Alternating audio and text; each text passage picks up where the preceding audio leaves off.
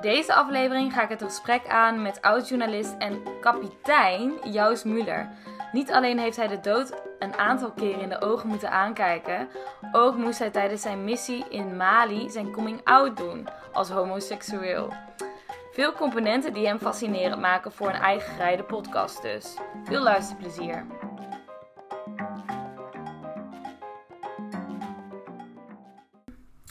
Kapitein, mag ik zeggen. Kapitein Juist Muller. Klinkt natu- natuurlijk eh, heel erg eh, vet. Captain Jack Sparrow. Het klinkt heel erg eh, avontuurlijk en hoog. En hoe voelt dat dan om zo'n titel te hebben? In het begin heel raar. In het Ja? begin heel raar als je dan mensen de telefoon, als je de telefoon opneemt en zeggen, is het spreekt met kapitein Muller. Dan dacht ik, ja, kapitein Iglo of zo, waar, waar gaat dit precies over? Ja. Dat iemand eerst de kapitein er ook, dat ik dan eerst om me heen zat te kijken van waar is hij eigenlijk? En eh, toen bleek dat ik hem zelf was. Eh, dus dat is, eh, daar, dat, dat duurt even voordat dat echt in je gaat zitten, ja. ja. Nou, ik ben benieuwd inderdaad ja, wat er dan achter de mens achter de kapitein. Dus ik ga je een paar vragen stellen over hoe, jij, hoe jouw identiteit eigenlijk gevormd is. Mhm. Ehm, in welke hoedanigheid ben je opgegroeid? Had je, had je, waren je ouders bij elkaar? Ehm, je broers of zussen? Opgegroeid in Heilo, eh, Ja. iets ten zuiden van Alkmaar. Ja, Een eh, jonge broertje, twee jaar jonger. eh, ouders bij elkaar. Gedurende mijn opvoeding. mijn moeder is op mijn 26 al overleden, dus die was er toen niet meer. En eigenlijk heel prima opgegroeid. Leuke tijd gehad. Leuke middelbare school. genoeg vriendjes, genoeg vriendinnetjes. Het ging eigenlijk redelijk soepel. Veilige jeugd. Ja, kan ik wel echt wel zeggen, ja. Ja. ja. En eh, nou, je bent natuurlijk ook eh, homoseksueel. Ja. Ehm, wanneer kwam je daarachter? Ehm, ik denk, er is nu niet, niet één dag geweest dat ik wakker werd en dacht, oh, wacht even, nu valt alles op zijn plaats. Nee, je zag niet een een of andere superster en je dacht van, Nee. jou wil ik. Nee, kijk, dat gebeurt natuurlijk in mijn geval tenminste in een fase dat je in de puberteit zit en dat alles op de helling staat en alles in twijfel wordt getrokken. En ehm, eh, dus dat, dat is ook hoe je voelt op je dertiende met je veertiende. Want het was de leeftijd waarop ik eigenlijk wel op een andere manier naar, ja, naar hetzelfde geslacht begon te kijken. Maar ook een leeftijd waarop ik in een biologieboek las, ja, dit is de puberteit. En dat betekent dat hormonen door je lijf gaan en die doen iets met je. Eh, dat, dat soort van tijdelijke gedragsverandering en, en een zekere vorm van instabiliteit. Ehm, dus ik begon dat op elkaar te koppelen. En ik dacht, nou, dat heb ik. Dus dit is gewoon een eh, fase in de puberteit.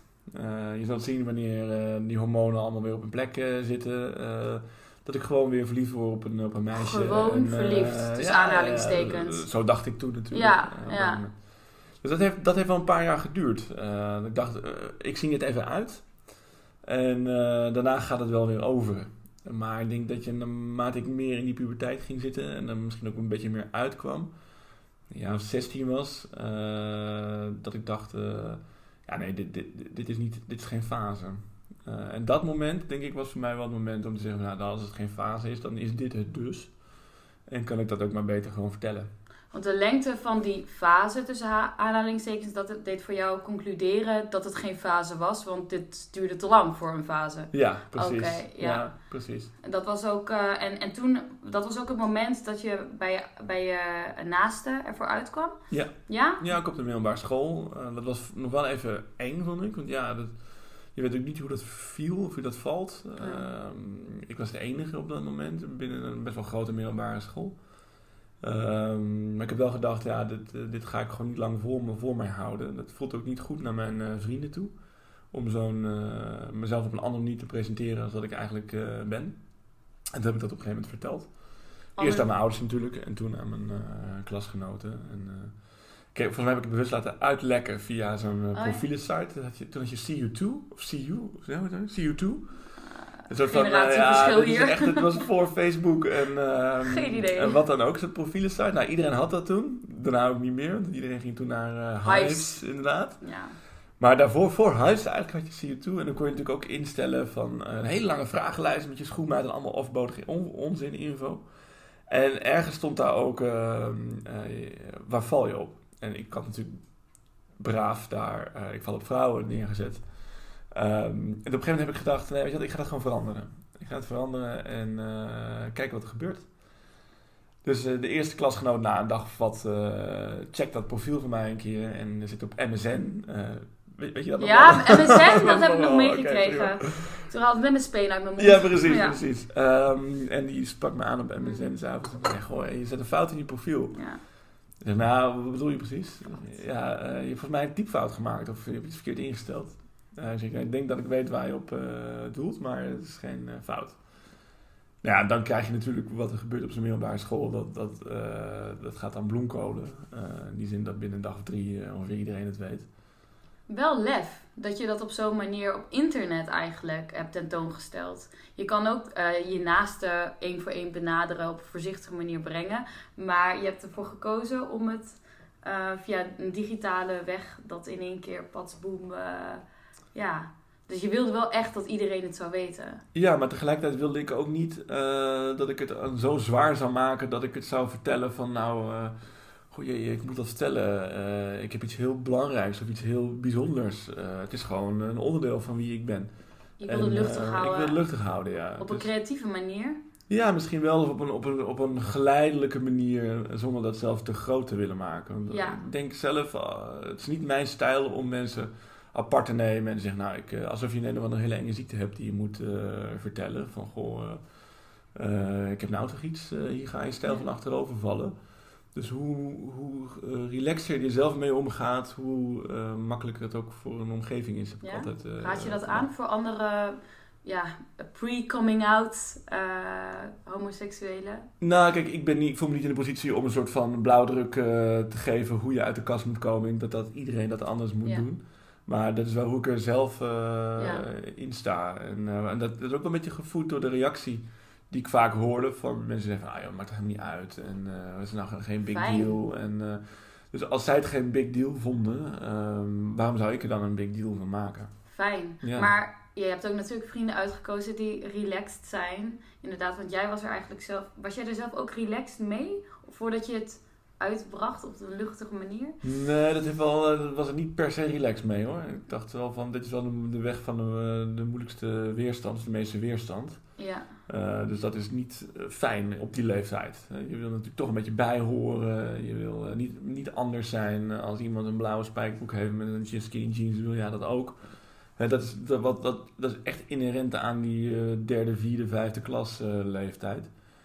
En in één keer sta je daar als, uh, als, als individu in die uh, toch echt een hele andere keuze maakt. En dat is wel een proces wat uh, in ieder geval in mijn hoofd wel, wel wakker gehouden. Ja. ja. Maar jij wist het wel slim te presenteren dan. Als ik er relaxed mee om zou gaan, zou ik ook misschien relaxte um, reacties kunnen ontvangen. Dat was wel wat in jou omging. Dat vind ik wel interessant. Ja, dat en denk ik ook wel een soort strategie. Ja, precies. Een strategisch, een militair in jou van... Een beetje wel, ja. En ik, een goede militair kiest ook zojuist de bondgenoten. En uh, ja. ik, ik, had, uh, toen ik uit de kast kwam, had ik meteen de allerknapste meisjes van, uh, van, van mijn klas die vonden dat, of niet natuurlijk, maar die vonden dat eh, bijzonder interessant. Van, oh leuk, we hebben een homo in de klas en dan gaan we samen winkelen, weet ik wat allemaal. De cliché uh, van uh, mijn gay best friend. Ja. Precies, precies. Maar ik dacht wel van, nou, dit zijn gewoon hele leuke meiden. Ja. Uh, en dat maakte me in zekere zin een vorm van ontastbaar, omdat alle oh, stoerdere jongens dachten van, ja, we moeten een beetje, we moeten in ieder geval niet te veel problemen met die jouws creëren, want dan, dan, dan hebben we ook, Kunnen we die meiden niet meer krijgen. hebben we ook een groot probleem met die meiden en dat is ook niet echt uh, handig. So keep your friends close, keep your enemies closer, ja. maar dan uh, keep your hot women close. altijd. Ja, altijd. Als we, oh, dus daarom uh, hebben homo's uh, vaak knappe vriendinnen. Dat zou kunnen, inderdaad. ja. ja. dat zou kunnen. Oké, okay, we hebben het mysterie eindelijk ontrafeld. Ja. Um, maar, um, nou, ik vind dat je er knap mee omging. In hoeverre heeft het jou beïnvloed voor je loopbaan, je homoseksualiteit? Je koos voor de journalistiek. Mm -hmm. heb je dat meteen benoemd? dat, je, dat je homoseksueel bent... Uh, heeft het invloed gehad op de manier waarop jij solliciteerde? Heeft het invloed gehad op de, op de banen die je op dat moment uitkoos na je middelbare schooltijd? Nou, ik wilde altijd journalist worden. Ja. Dus vanaf mijn 15 16 is dat in mijn hoofd gekomen. Ik vind schrijven heel leuk. Uh, ik vind uh, onderzoek doen leuk. Ik vind reizen leuk. Ik leg dat allemaal op elkaar. En zo kwam ik eigenlijk bij de journalistiek uit. En ik las ook altijd NRC Handelsblad bij ons thuis van een mooie krant. En uh, ik voelde me ook wat thuis bij, die, bij dat liberalisme wat die krant uh, uitstraalde, nog altijd uitstraalt. Ja, En ehm, dus je bent zelf eh, liberaal. ja, zo ben ik ook Ja. op, opgevoed. Ja. Eh, en ik dacht dat, dat, daarom hadden we die krant denk ik ook wel eh, bij ons thuis ook. Ik dacht, dit is een club, dit is een manier van denken waar ik me wel bij thuis eh, voel. Ja. En eh, dat is eigenlijk meer de reden waarom ik eh, naar, die, naar die journalistiek eh, ben gegaan. En dan wil je die club ook versterken en dan wilde je ja, je eigen ideeën daarin Ik produceren. wilde erbij horen, ik wilde Ja. daar meewerken. Dat, Ja. eh, dat had ik heel, eh, heel snel inderdaad, ja. Ik heb wel, eh, ik hou erg van lezen ook en ook wel echt van studeren. Ik heb uiteindelijk ook geschiedenis gestudeerd, een master gehaald hier in, in Amsterdam. Ehm, toen had ik ook de keuze om, eh, we maken even een stap in de tijd hoor, en de keuze om te promoveren daarna. Ja. Ja, ik zag mezelf echt niet nog vier jaar lang ehm, in mijn eentje in een hok boeken zitten lezen en schrijven. Ik mis daar niet, eh, ik mis daar misschien het zitvlees voor, maar ik mis ook de koppeling met de, de, de impact en de praktijk die je als mens kunt brengen in je, in je beroep. En hoe zit jouw Ehm. energie? Zeg maar, heb jij veel energie? Moet jij energie kwijt? Ja, ik moet Ja? echt energie kwijt. Ja, Ja? ja, ja. Ja, Dat want gebeurt on- on- ongedurig, ik kan me niet goed concentreren dan. eh, er moet, eh, moet iets in beweging zijn. Ja, Ja. ja, iets in beweging met maatschappelijke impact. Ja. En dat deed je toen eh, via de journalistiek. Dat is ook best wel een praktisch beroep. Je bent veel in contact met mensen, je schrijft, je bent veel op pad. Eh, dat deed je ook voor, ehm, je, je on- onderzocht Defensie. Da- daarom ben je later eh, geïnteresseerd geraakt om zelf in Defensie te werken. Maar even een stap terugnemen. Je ging mee op missie in Afghanistan. En toen dacht je, hé, hey, hier wil ik bij horen. Op, eh, Nou, er zit nog wel iets, iets voor. Ik werkte eerst op de binnenlandredactie eh, Ja. en eh, hartstikke leuk. En op een gegeven moment begon die missie in Oeruzkan eh, te lopen. In 2006, 2007. En toen hadden ze verslaggevers nodig om, eh, om daarheen te gaan. En ik weet nog wel, we hadden hele ervaren verslaggevers die in, ehm, in Bosnië hadden gezeten. En we hadden iemand die heel veel in Irak was. Maar de, de, de ervaren verslaggever die ging al een beetje richting pensioen. Die dacht, nou ja, dit conflict eh, laat ik maar even aan mij voorbij gaan. En die wat jongere verslaggever, die had net een, een kind thuis volgens mij. Dus die, ja, die had ook zoiets van, ik ga niet in deze fase in mijn leven weer die oorlogsgebieden op in. En toen ja, was een soort zoektocht van wie gaat het dan doen. En, je was eh, vrij ongebonden. Ja, Vol met levensenergie, maatschappelijke impact. Ga ik maken, ik kan in beweging. ik was begin twintig. en Ja. Ik dacht, eh, dit klinkt echt te gek. Ja, Ik eh, ga kijken of, dit, of mij dit gaat lukken. En toen heb ik mij ja, min of meer aangeboden aan de krant van ik zou dit heel leuk vinden. hoe gevaarlijk was dat gebied?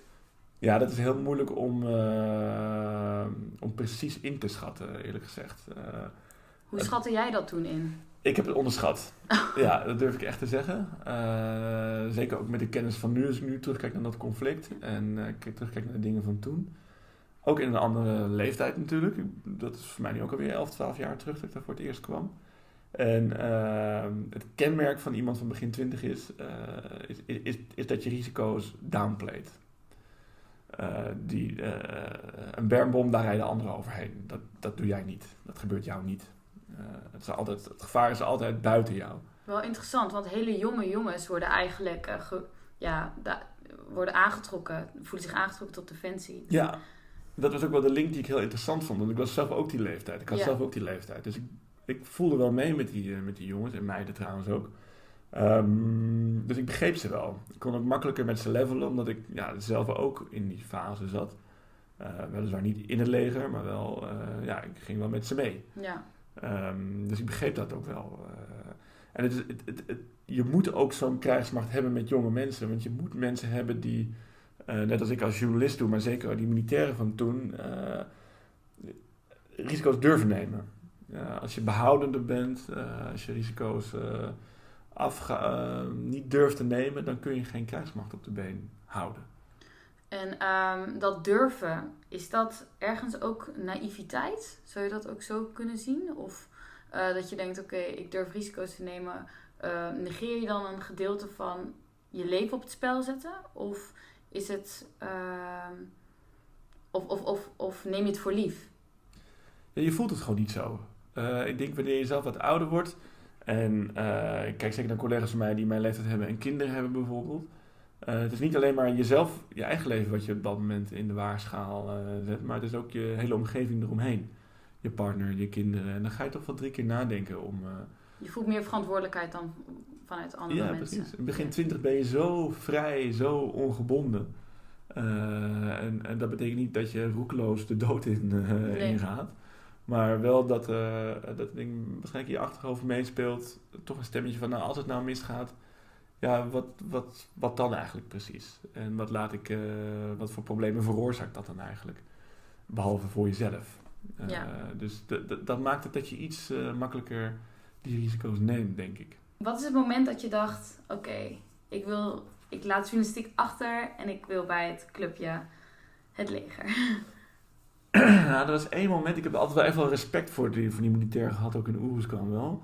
En er was één moment, ik denk dat dat in 2010 is geweest, um, dat we patrouille gingen. Ik liep mee. Ik uh, uh, ging om een uur of twee s'nachts uh, lopen naar een bepaald gebied waarvan we wisten dat daar Taliban vaak was.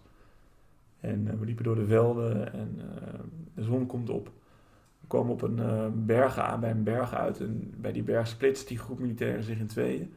Wat beschrijf je dat mooi? Ik zie het helemaal voor me. Ja, een groep, ik zie het ook weer voor me Ja. trouwens. Een uh, groep, uh, die, uh, een grootste groep gaat die vallei in. En een kleiner groepje waar ik ook bij zat, die gaat op de heuvel zitten. Dat heet een soort overwatch locatie. En ehm, we kijken daar de vallei in. We kijken op onze collega's die daar op zoek gaan naar eh, wapenopslagplaatsen en plekjes waar de, de boeven zitten, om het zo maar even te zeggen. En uh, de zon komt op, de mensen komen uit hun, uh, hun huizen, gaan aan de dag beginnen, gaan de velden op. Maar er is iets raars. Er is iets raars, want bij eerdere patrouilles kwamen die mensen uh, naar ons toe. Boden ze ons thee aan, gingen een praatje met ons aan. En nu negeerden ze ons totaal. En dat was wel een heel vreemd moment. Wat is hier aan de hand? En uh, tegelijkertijd kregen we ook al berichten binnen van ja, er zijn misschien Taliban-strijders in het gebied, kijken uit. En wij zaten daar op die berg en ik zat daar ook. Heel onheilspellend. Heel onheilspellend, ja. Je voelde echt uh, de spanning in de lucht steeg, voor zover je dat kunt uitdrukken. Wrong. Something's wrong, ja. ja. Maar wat gaan we doen? Uh, trekken we terug? Ja, dat voelt ook niet goed. Je gaat niet terugtrekken op basis van, ja, wat eigenlijk? En, en voor de duidelijkheid, jij was toen journalist. Ja, ik was ja. toen journalist, ja. ja. En van het ene op het andere moment wordt er uh, op vrij korte afstand van ons uh, geweervuur op ons geopend. En uh, ik zie voor mij op een meter of twee voor me de steentjes opspatten en de kogels dus in de grond raken. En, oh, wat eng. dat ontstond een vuurgevecht, wordt teruggevuurd natuurlijk, er wordt luchtsteun aangevraagd, er kwamen Apache-helikopters. Maar het heeft wel even geduurd voordat dat, voordat dat, voordat dat onder controle was. Um, het was eng. Ik vond het ook echt heel eng. Ik kan er allerlei stoere verhalen over vertellen, maar ik vond het echt heel eng. Um, maar ik had ook een ontzettend respect voor wat daar gebeurde. Want uh, waar dat voor mij één grote chaos was. Ik had echt geen idee waar die schoten vandaan kwamen en waar die mensen zaten. Of ze voor of achter, links of rechts. Um, waren die militairen binnen een split second in staat om te lokaliseren. Daar zit daar zit de vijand. Uh, daar mogen we op vuren. Uh, daar zitten de burgers. Uh, daar moeten we dus niet op vuren. Zo ziet het eruit. Oké, okay, we gaan dit nu oplossen. Terwijl ik echt letterlijk uh, gedekt met mijn handen boven mijn hoofd en mijn helm nog zoekende in een greppeltje lag. hulpeloos eigenlijk. Ja, heel hulpeloos. Ja. Ja. ja. ik had alleen een pen om mee te vuren in feite. En daar kun je niks zoveel mee. dus um, toen dacht ik wel van, nou, dit is wel echt een heel bijzonder beroep wat die mensen hebben. Dat je, dat je dit meemaakt.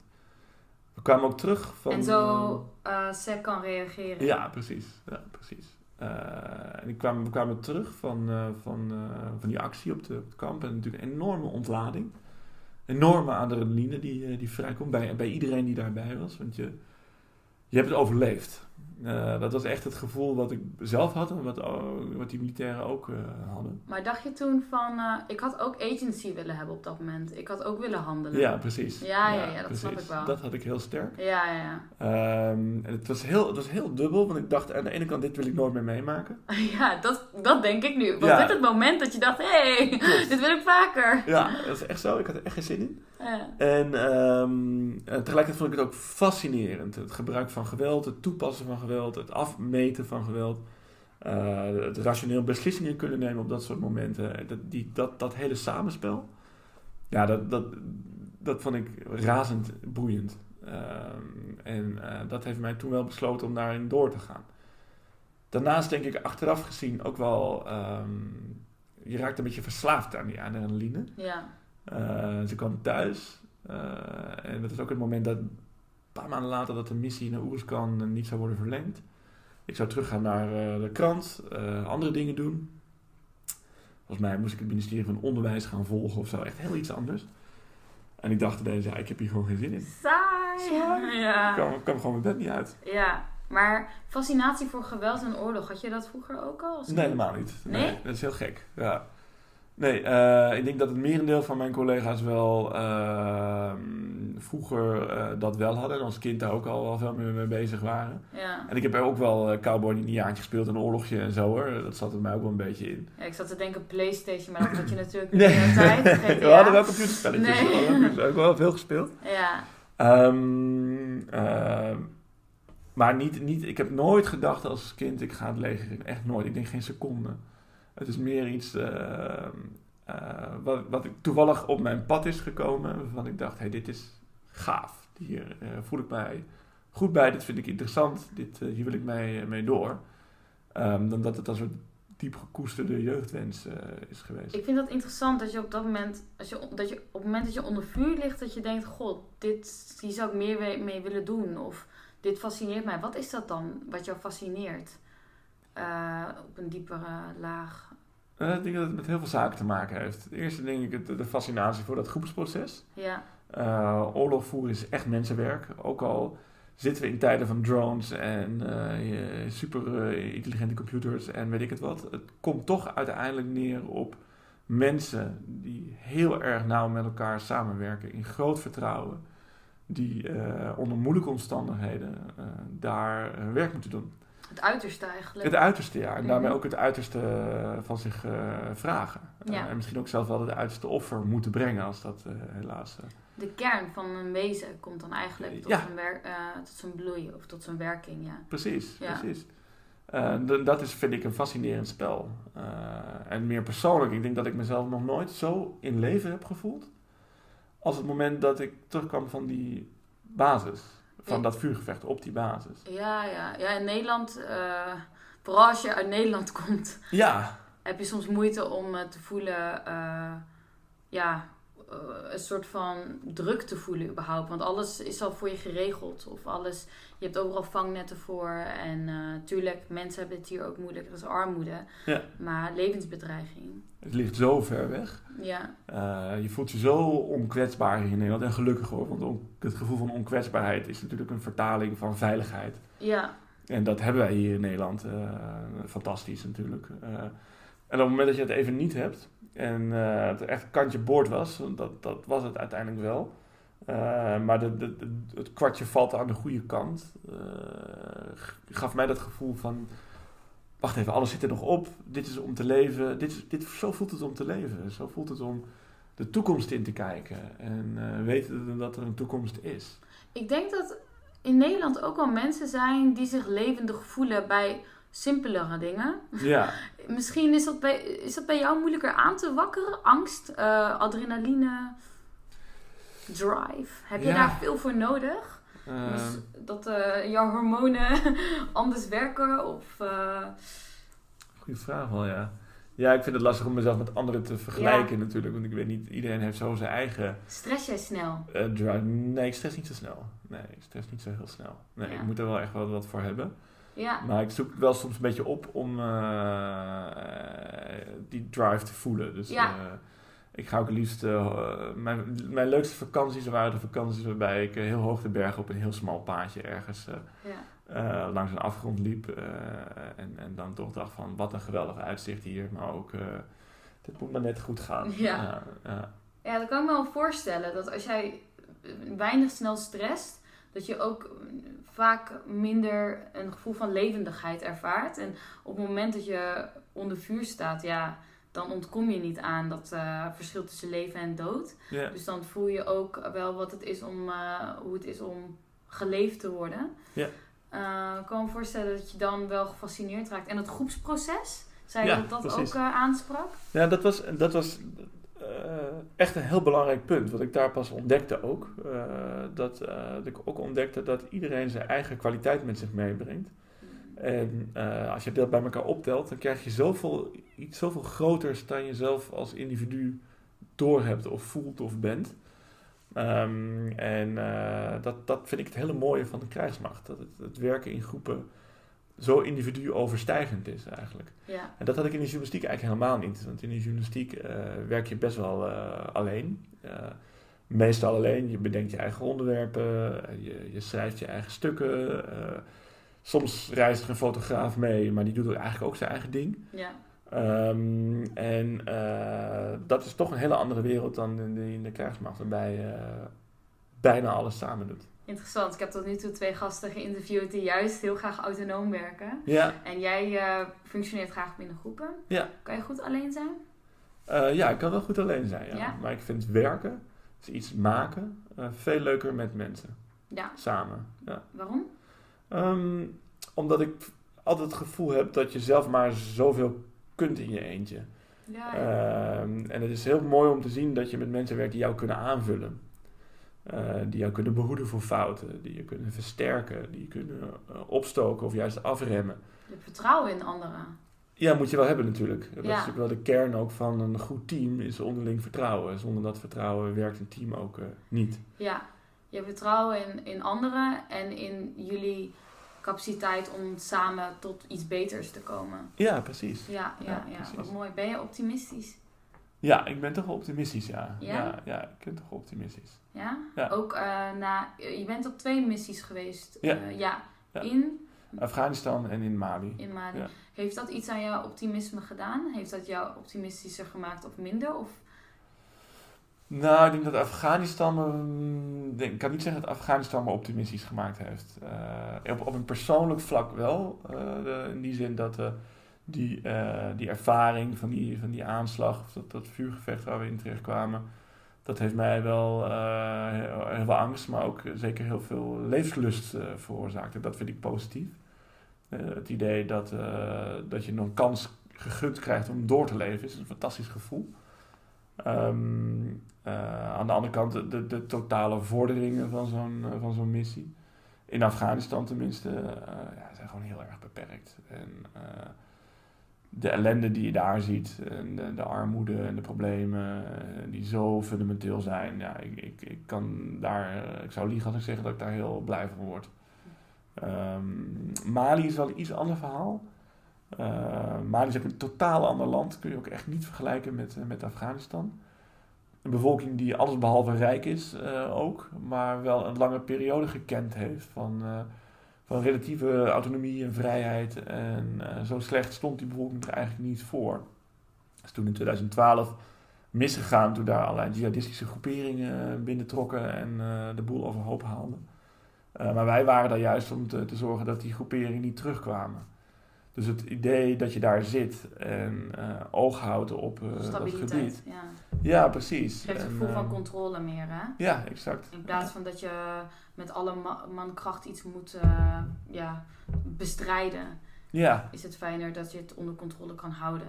precies. En Ja. gewoon een oogje in het zeil houden en informatie inwinnen over ja, of, of dat nou wel of niet de goede kant op ging daar. Ik had wel het idee dat we daar ja, dat dat een bepaalde bijdrage heeft, heeft gehad. Ja, Aan de andere kant denk ik ook wel, ehm, ook al zie je de directe doel van de missie niet meteen. En Ik heb ook wel collega's gehad in Mali die dat ook echt niet zagen. Dat kan natuurlijk, iedereen heeft zijn eigen perspectief.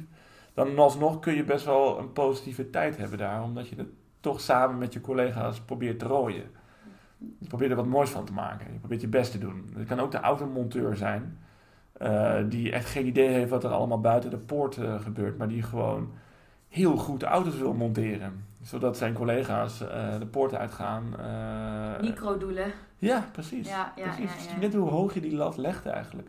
Ja. En eh, ja, ik, ik, ik heb ook vaak met bewondering gekeken naar collega's die gewoon zeggen van... Nou, mijn lat ligt er gewoon bij dat die, dat die auto moet rijden. Ja, Punt. daar heb je respect voor. Ja, Dat vind ik heel mooi. Ja. Vind ik heel knap. Ja, Ehm, nou, ik ben toch wel echt benieuwd eh, naar jouw coming out binnen Defensie. Ja.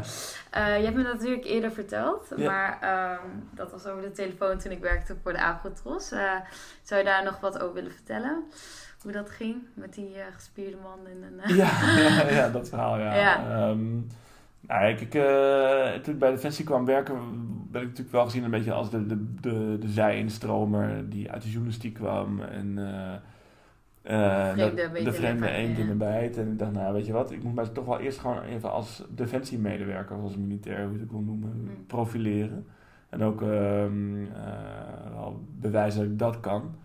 En daarna kom ik wel weer toe aan eh, te vertellen wie ik dan echt ben. Eh, ik denk dat ik toen nog een best wel een kunstmatig idee had dat die twee eh, gescheiden kunnen worden. Ja, want voelt dat dan echt zo inderdaad? Eh, homoseksualiteit niet benoemen, is dat dan jezelf verlogenen? Eh, ja, in zekere zin wel. Ja, want je komt in een omgeving te werken bij Defensie waarbij je heel dicht op elkaar zit. Waarbij je dus ook heel veel informatie deelt over wat je in het weekend gedaan hebt, over eh, wat er in je thuissituatie gebeurt. Welke vrouw je hebt geregeld of niet? Bijvoorbeeld, ja, dat kan. Maar dat kan op dat niveau zitten. Maar dat kan ook op het niveau zitten van... er is thuis met mijn kind of met mijn vrouw wat aan de hand of zo. Dat is best wel een ehm, open cultuur waarbij dingen toch wel snel worden gedeeld. Eh, puur vanwege het feit dat mensen buiten Defensie dat misschien sneller met vrienden delen. Maar die vrienden in een defensieomgeving eh, vaak je collega's zijn. Puur omdat als je in Noorwegen bent of in Mali of waar dan ook een oefening... elkaar kunnen bouwen. Ja, dan, dan zijn die vrienden er even niet. Eh, die zijn echt heel ver weg dan. Eh, die kun je vaak niet bellen, die, eh, daar kun je niet even naartoe. Dus je valt sneller terug op je collega's. Broederschap, hè? In zekere zin wel, ja, dat, eh, dat zit er echt wel, eh, wel in. Dus ik, ik, ik, ik wist dat wel, maar ik, had, ik voelde dat nog niet voldoende, denk ik. In die zin dat ik ehm, dus dacht dat ik daar ook wel even uit kon stappen. Door dit e- elementaire onderdeel van wie ik ben eh, niet te benoemen. En zo met die gedachte ben ik ook voor de eerste keer naar, naar Mali gegaan. Dat was in 2004, 2015. En ehm, eh, ja, ik kwam daar in de staf te zitten en je krijgt dan een kamer toebedeeld. eh, of een kamer, een soort gepanzerde container eigenlijk. Met een, eh, een andere eh, collega van mij, die ik op dat moment niet, eh, niet kende. Die dezelfde rang als ik. En, Wel spannend. Ja, Je moet ineens in een kamer zitten met een wild vreemde. en het is gewoon maandenlang, je, je- ja, weet je wel, maandenlang moet je daarmee zien te rooien Heb je daar geen lijstje voor? Voor voorkeuren met wie je Nee, of niet? Nee, nee, nee, nee, nee. Oké. Soms wel hoor, het hangt een beetje vanaf. Als je allemaal en groep tegelijkertijd zo'n missie inkomt, dan kun je dat van tevoren nog een beetje regelen. Maar ik kwam door allerlei redenen en verschuivingen in het personeelsbestand. eh, kwam ik al aan toen die club er al een maand of wat zat. Dus ja, ik eh, klikte gewoon aan. Oké. En daar was gewoon een bedje vrij. Oh.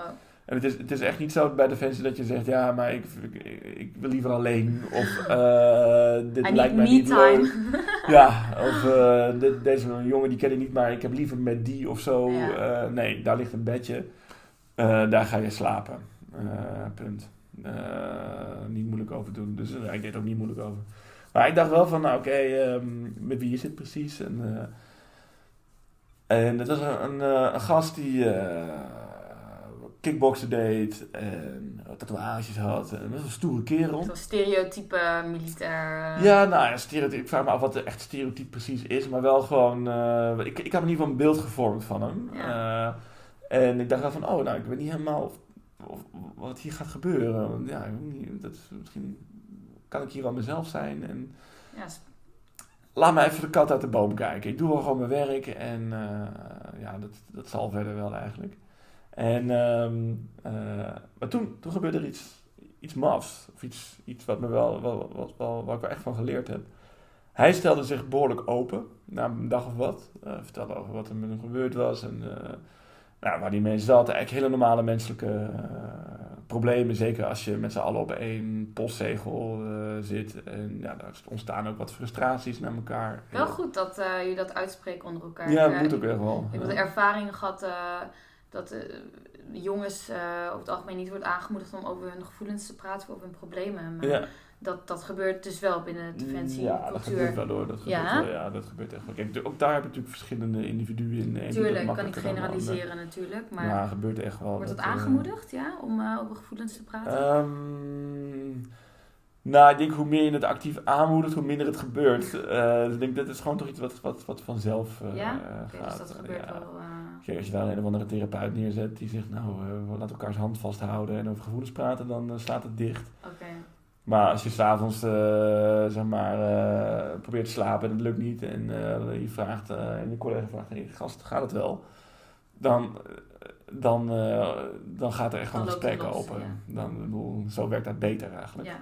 bij Defensie of over het algemeen. Okay.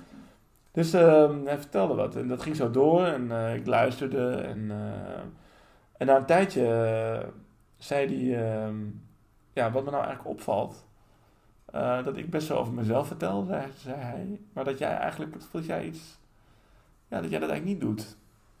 Ja, ik dacht, nee, shit. Uh, ik ben verraden of zo. Hè? Ja. Hij heeft me door. Hij heeft me door, inderdaad. En uh, ik had echt wel door dat het een geschikte kerel was. Want hij had, ik weet nog een mooi moment, hij had iets van een tatoeage.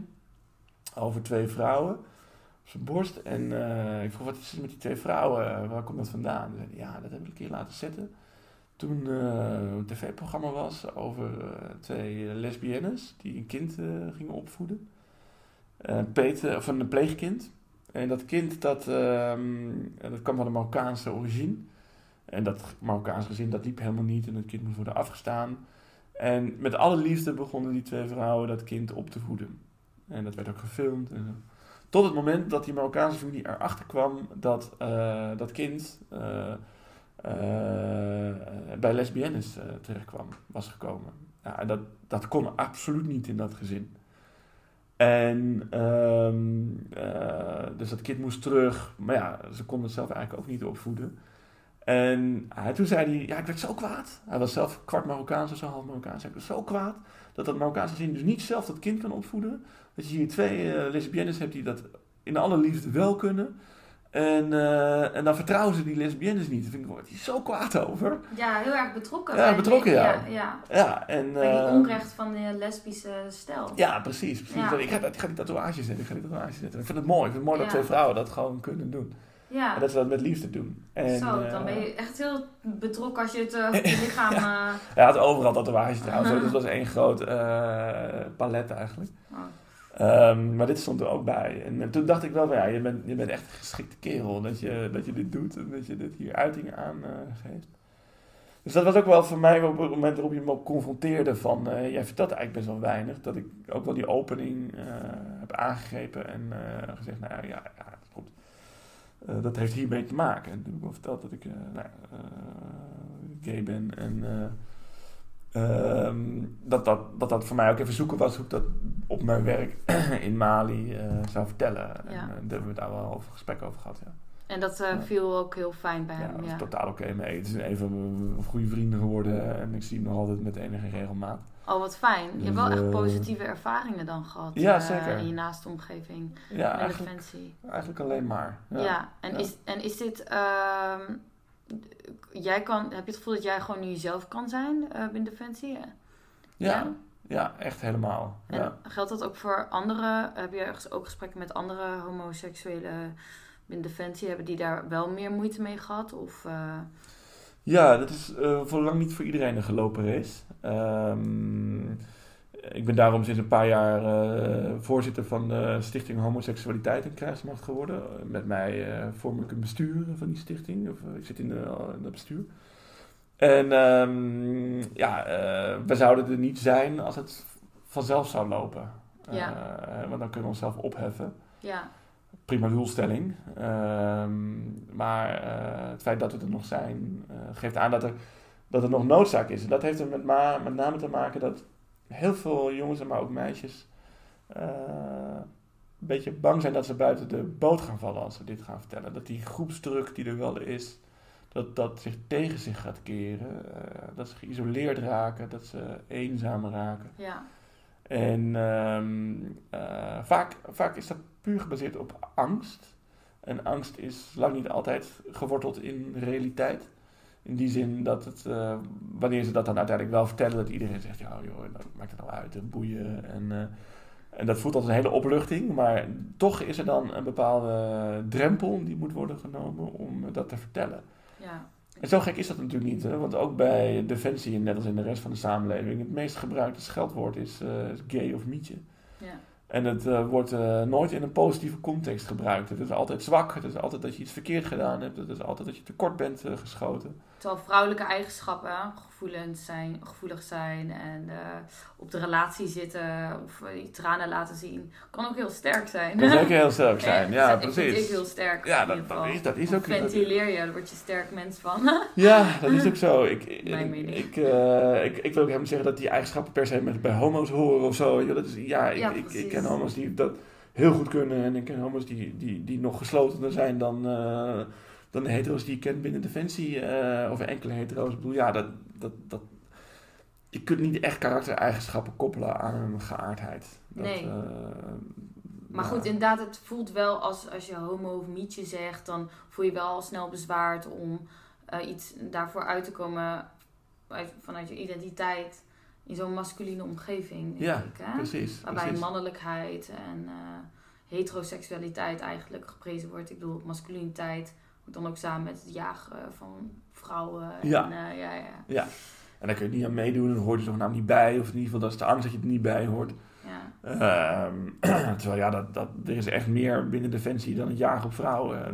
Ja, ik bedoel, dat is Maar echt... eh, ik kan me ook wel voorstellen, als je zo lang op elkaars lip zit, eh, mannen onder elkaar, Ja. dat ook wel homoerotische gevoelens sneller loskomen dan in een eh, kantoorbaan. als je samen met elkaar bed ja, nou ja. De kans ja. dat je homoseksueel wordt, acht ik groter. Ja, ik, ik denk niet dat je homoseksueel wordt. Of wordt, of dat je dat, je- nee, maar dat je dat dan sterker gaat voelen, of dat je het niet meer aan ontkomt of zo. eh.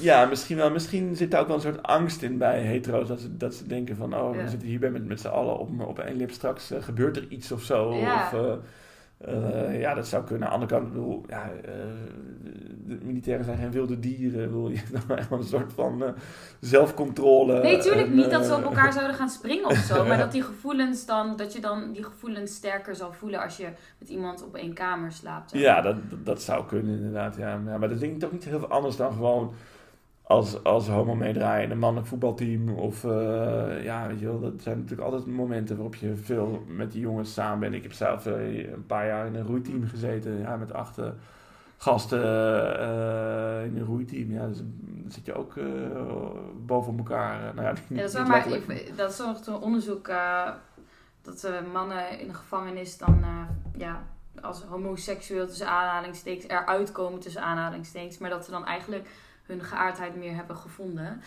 Eh, dus ik zit meer in die. Ja, ik heb ook wel onderzoeken gelezen bij gevangenissen dat het, ehm, dat het ook. Dat, er zijn natuurlijk weinig machtsmiddelen die je als gevangene hebt om eh, hiërarchie te bepalen. En een van de meest nare machtsmiddelen is seksuele onderdrukking. Ja, ja. Dus zo, zo, kun je het, zo wordt het vaak ook gebruikt in, in gevangenissen. Hè? Om iemand te vernederen, om iemand Ja, ja. om, eh, om zelf eh, dan eh, hoger in de pikorde te, te komen. Dus dan niet dat ze uit, als ze uit die gevangenis komen, dat ze dan besluiten om voor Nee, een man te gaan. nee, dat niet. nee, ik geloof daar niks van. Dat is gewoon een situatie gebonden. Oké. Dat denk ik echt. Ja. Oké. Ja.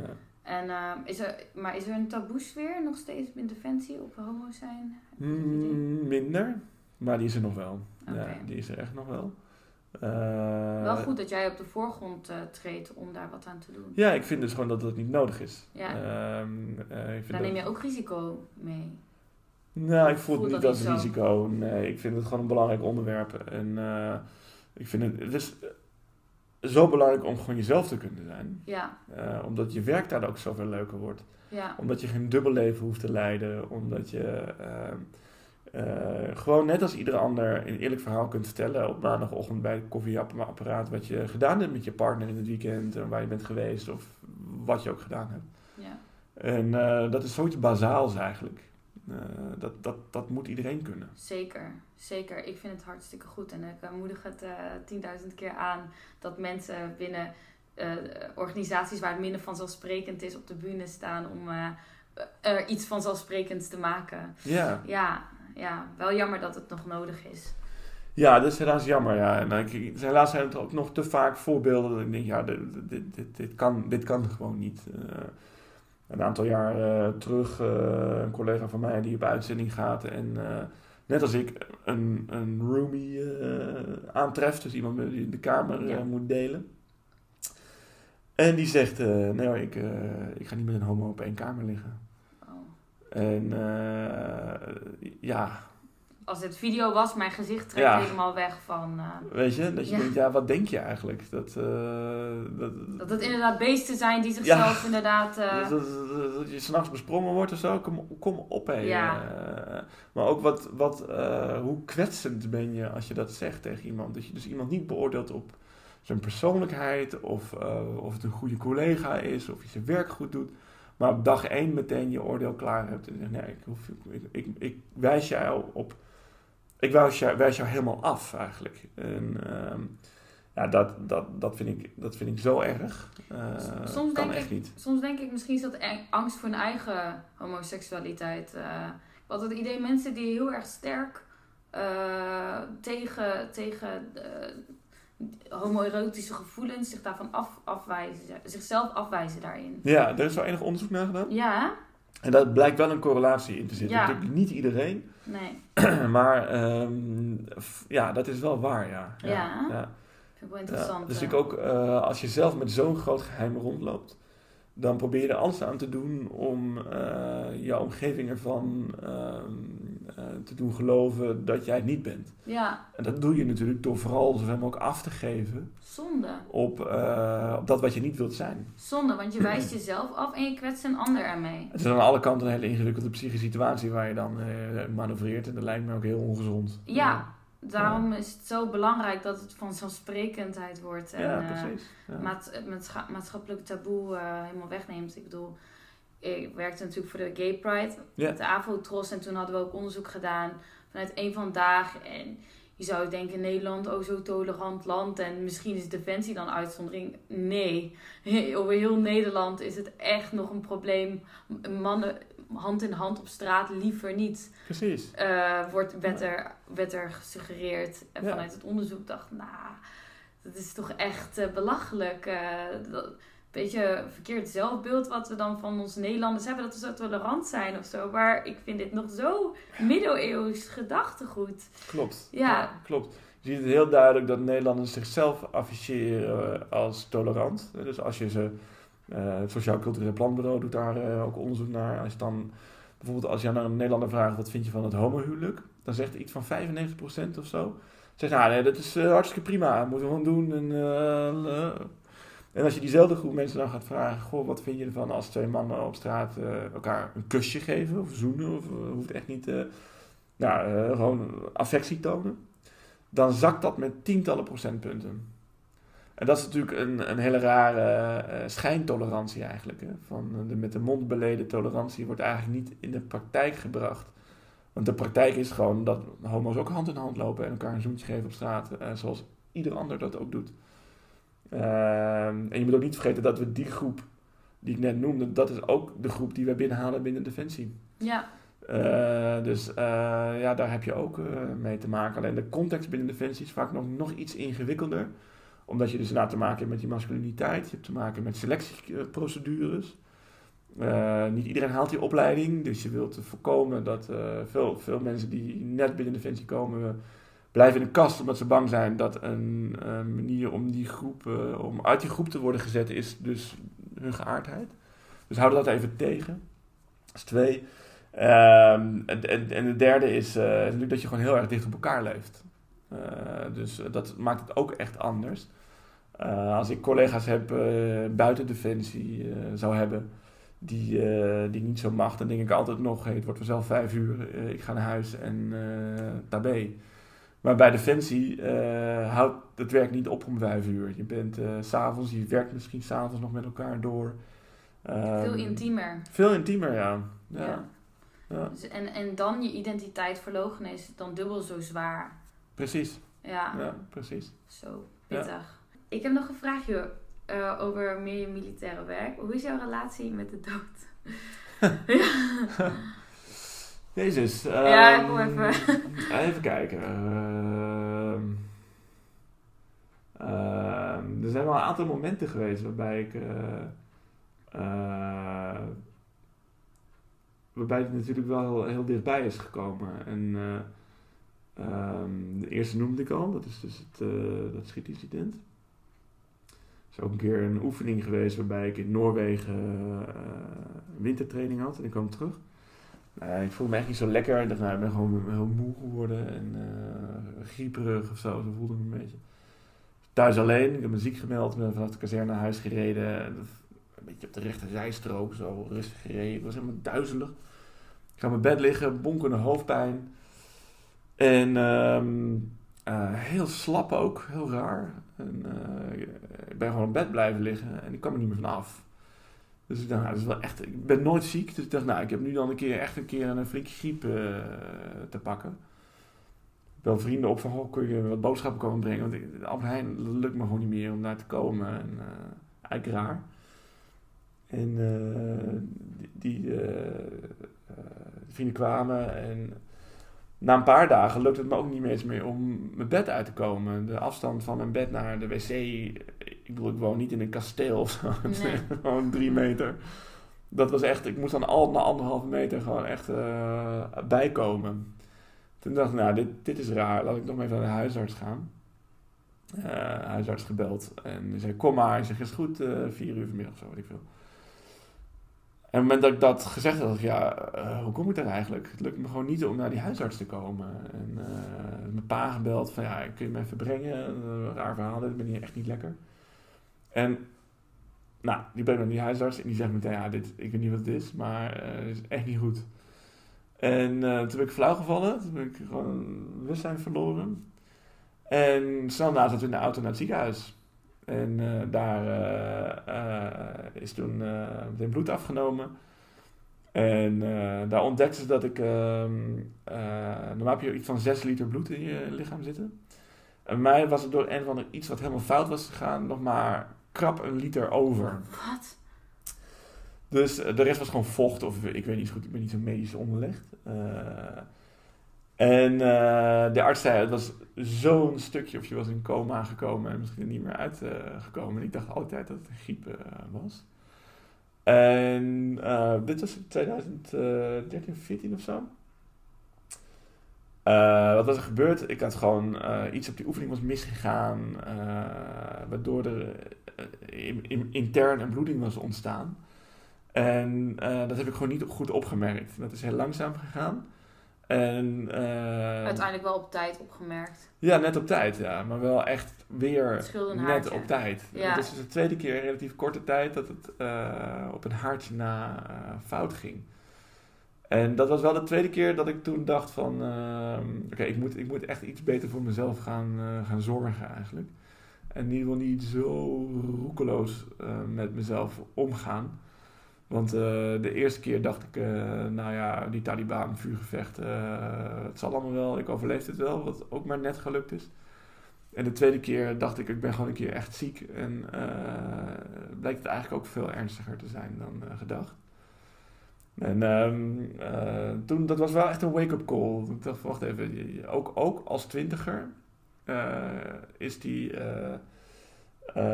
dood veel dichterbij dan je, dan je denkt. Uh, een jaar later. Maar vooral misschien binnen jouw beroep. Ja, ja, beroep en ook bredere kring hoor. Een jaar later uh, had ik een soort vriendje, was in ieder geval heel erg met een jongen aan het, aan het daten. Een sportieve jongen. En uh, deed daar dam te dam lopen en ik hou zelf ook van hardlopen. 2014 was het een jaar later. En hij ging lopen en ik bleef thuis. en uh, smiddags kreeg ik geen contact meer met hem proberen hem uh, te bellen. En ik denk, wat raar. Ik toch even kijken hoe die op de Dam lopen gegaan is. En uh, toen kreeg ik ineens een vader aan de lijn. En deze jongen is 24 en is bij de finish door een hitteberoerte uh, in elkaar geklapt en heeft het niet overleefd. En dat was eigenlijk dus drie keer voor mij in relatief korte tijd dat ik of zelf of iemand die mij in ieder geval heel dierbaar was, uh, zo plotseling, uh, zonder enige waarschuwing, uh, uh, het, het, ja, het tijdelijke voor het eeuwige moest verruilen. Oké, okay, dat kan me voorstellen dat het impact heeft. Ja. Op zo'n korte ja. termijn, zoveel dood om je heen. Ja. In jou bijna. Ja. heeft dat iets veranderd in jouw mindset op je werk? Dacht je van oké, okay, misschien moet ik voor een veiliger beroep gaan? Of, mm, ja, dat eigenlijk niet. Nee, ik worstel er nog steeds een beetje mee. Ik denk dat dat bouwt zich een beetje op, die ervaring natuurlijk. Dat ga je verinnerlijken. Ik denk meer dat het op een persoonlijk vlak dat ik ehm, heel erg met de dag ben gaan leven. Van oké, nu schijnt de zon vandaag, nu is het leuk, nu is het mooi. Morgen kan het klaar zijn. Dus eh, we gaan er nu ook iets heel moois van maken vandaag. En eh, dat is misschien het optimisme wat eruit voortkomt. Ja. Het heeft ook een schaduwkant. Eh, de schaduwkant is dat het eh, moeilijker is geworden om door de tijd heen te kijken. Eh, Mensen maken altijd plannen, Lange termijn. lange termijn plannen. Ik vind het lastig om, om hele concrete doelen op de horizon te zetten. Ja, ja. Ja, ik ken ook wel een militair die zei ik maak nooit plannen voor de toekomst. Ja, ja. ja, dat zit er een beetje in. Dat, Ja. Ik weet niet of dat zo goed is eigenlijk. Dat heeft echt twee kanten. Ja, ja, want eh, hik je daar tegenaan nu je geen plannen maakt voor de toekomst? Hmm, ik vind wel dat ik meer plannen moet maken voor de toekomst. Ja, Ja? ja, ja, tegelijkertijd. Terwijl je zo strategisch bent als militair. Ja, maar dat is ook je vak, dat is je Ja. werk, dat, eh, dat is doorkijken. Maar eh, persoonlijk dan niet. ja. Precies. Ja, ja, ja. Wel apart dat je, je je strategisch intellect niet kan toepassen op je persoonlijke leven. Omdat je denkt, ja, morgen kan toch mijn laatste dag zijn. Ja, Ja. dat heeft natuurlijk te maken met, eh, met rationaliteit in je werk en eh, dat, je emotionele gevoelswereld. Die twee hoeven natuurlijk niet per se op elkaar te liggen. Of eh daar zit misschien toch wel wat verschil in ook wel. Ja, ja. En ehm, oké. Ik, heb jij wel eens een moment ge- eh, gehad dat je dacht, oké, waarom heb ik hier ook weer voor gekozen? Ja, natuurlijk wel. Ja? Eh, natuurlijk wel. Als je dan weer eh, in een bittere kou ergens staat en je voelt je tenen niet meer. En, je staat buiten en je denkt, oh wacht even, ik heb nu ook vrienden van mij die nu gewoon bij een koffieautomaat ergens ja, comfort. comfort en niet om, weet ik veel, vijf uur 's ochtends op moesten en gewoon een goede nacht gemaakt hebben en gewoon thuis zijn s'avonds. Ja. Maar onderaan de streep geeft eh, dit werk jou eh, Ja, veel tuurlijk. voldoening. Ja. Ja. zeker. Wil je ook, eh, wanneer stop je? Ja, dat is een goede vraag.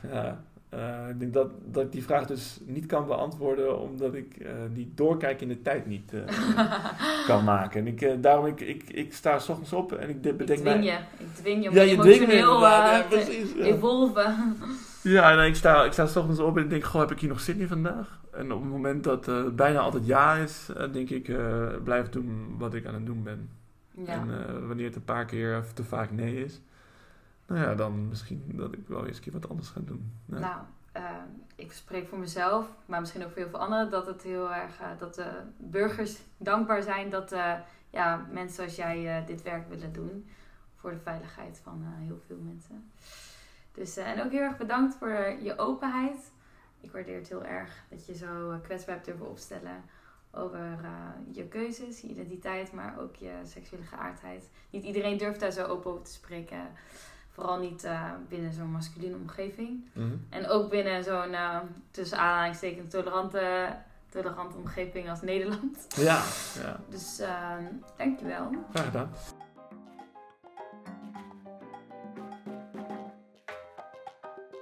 Ik vind militairen toch altijd iets mysterieus hebben. Ze hebben zoveel meegemaakt waarvan wij geen voorstelling kunnen doen. Ehm, en daarnaast heeft Jous ook nog eens heel veel eigenschappen die hem zo interessant maken. Als oud-journalist en iemand die met homoseksualiteit moet struggelen binnen, defensie, eh, binnen een organisatie als Defensie.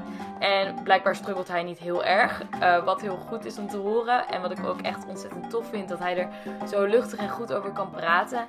Echt diepe, diepe respect voor deze man.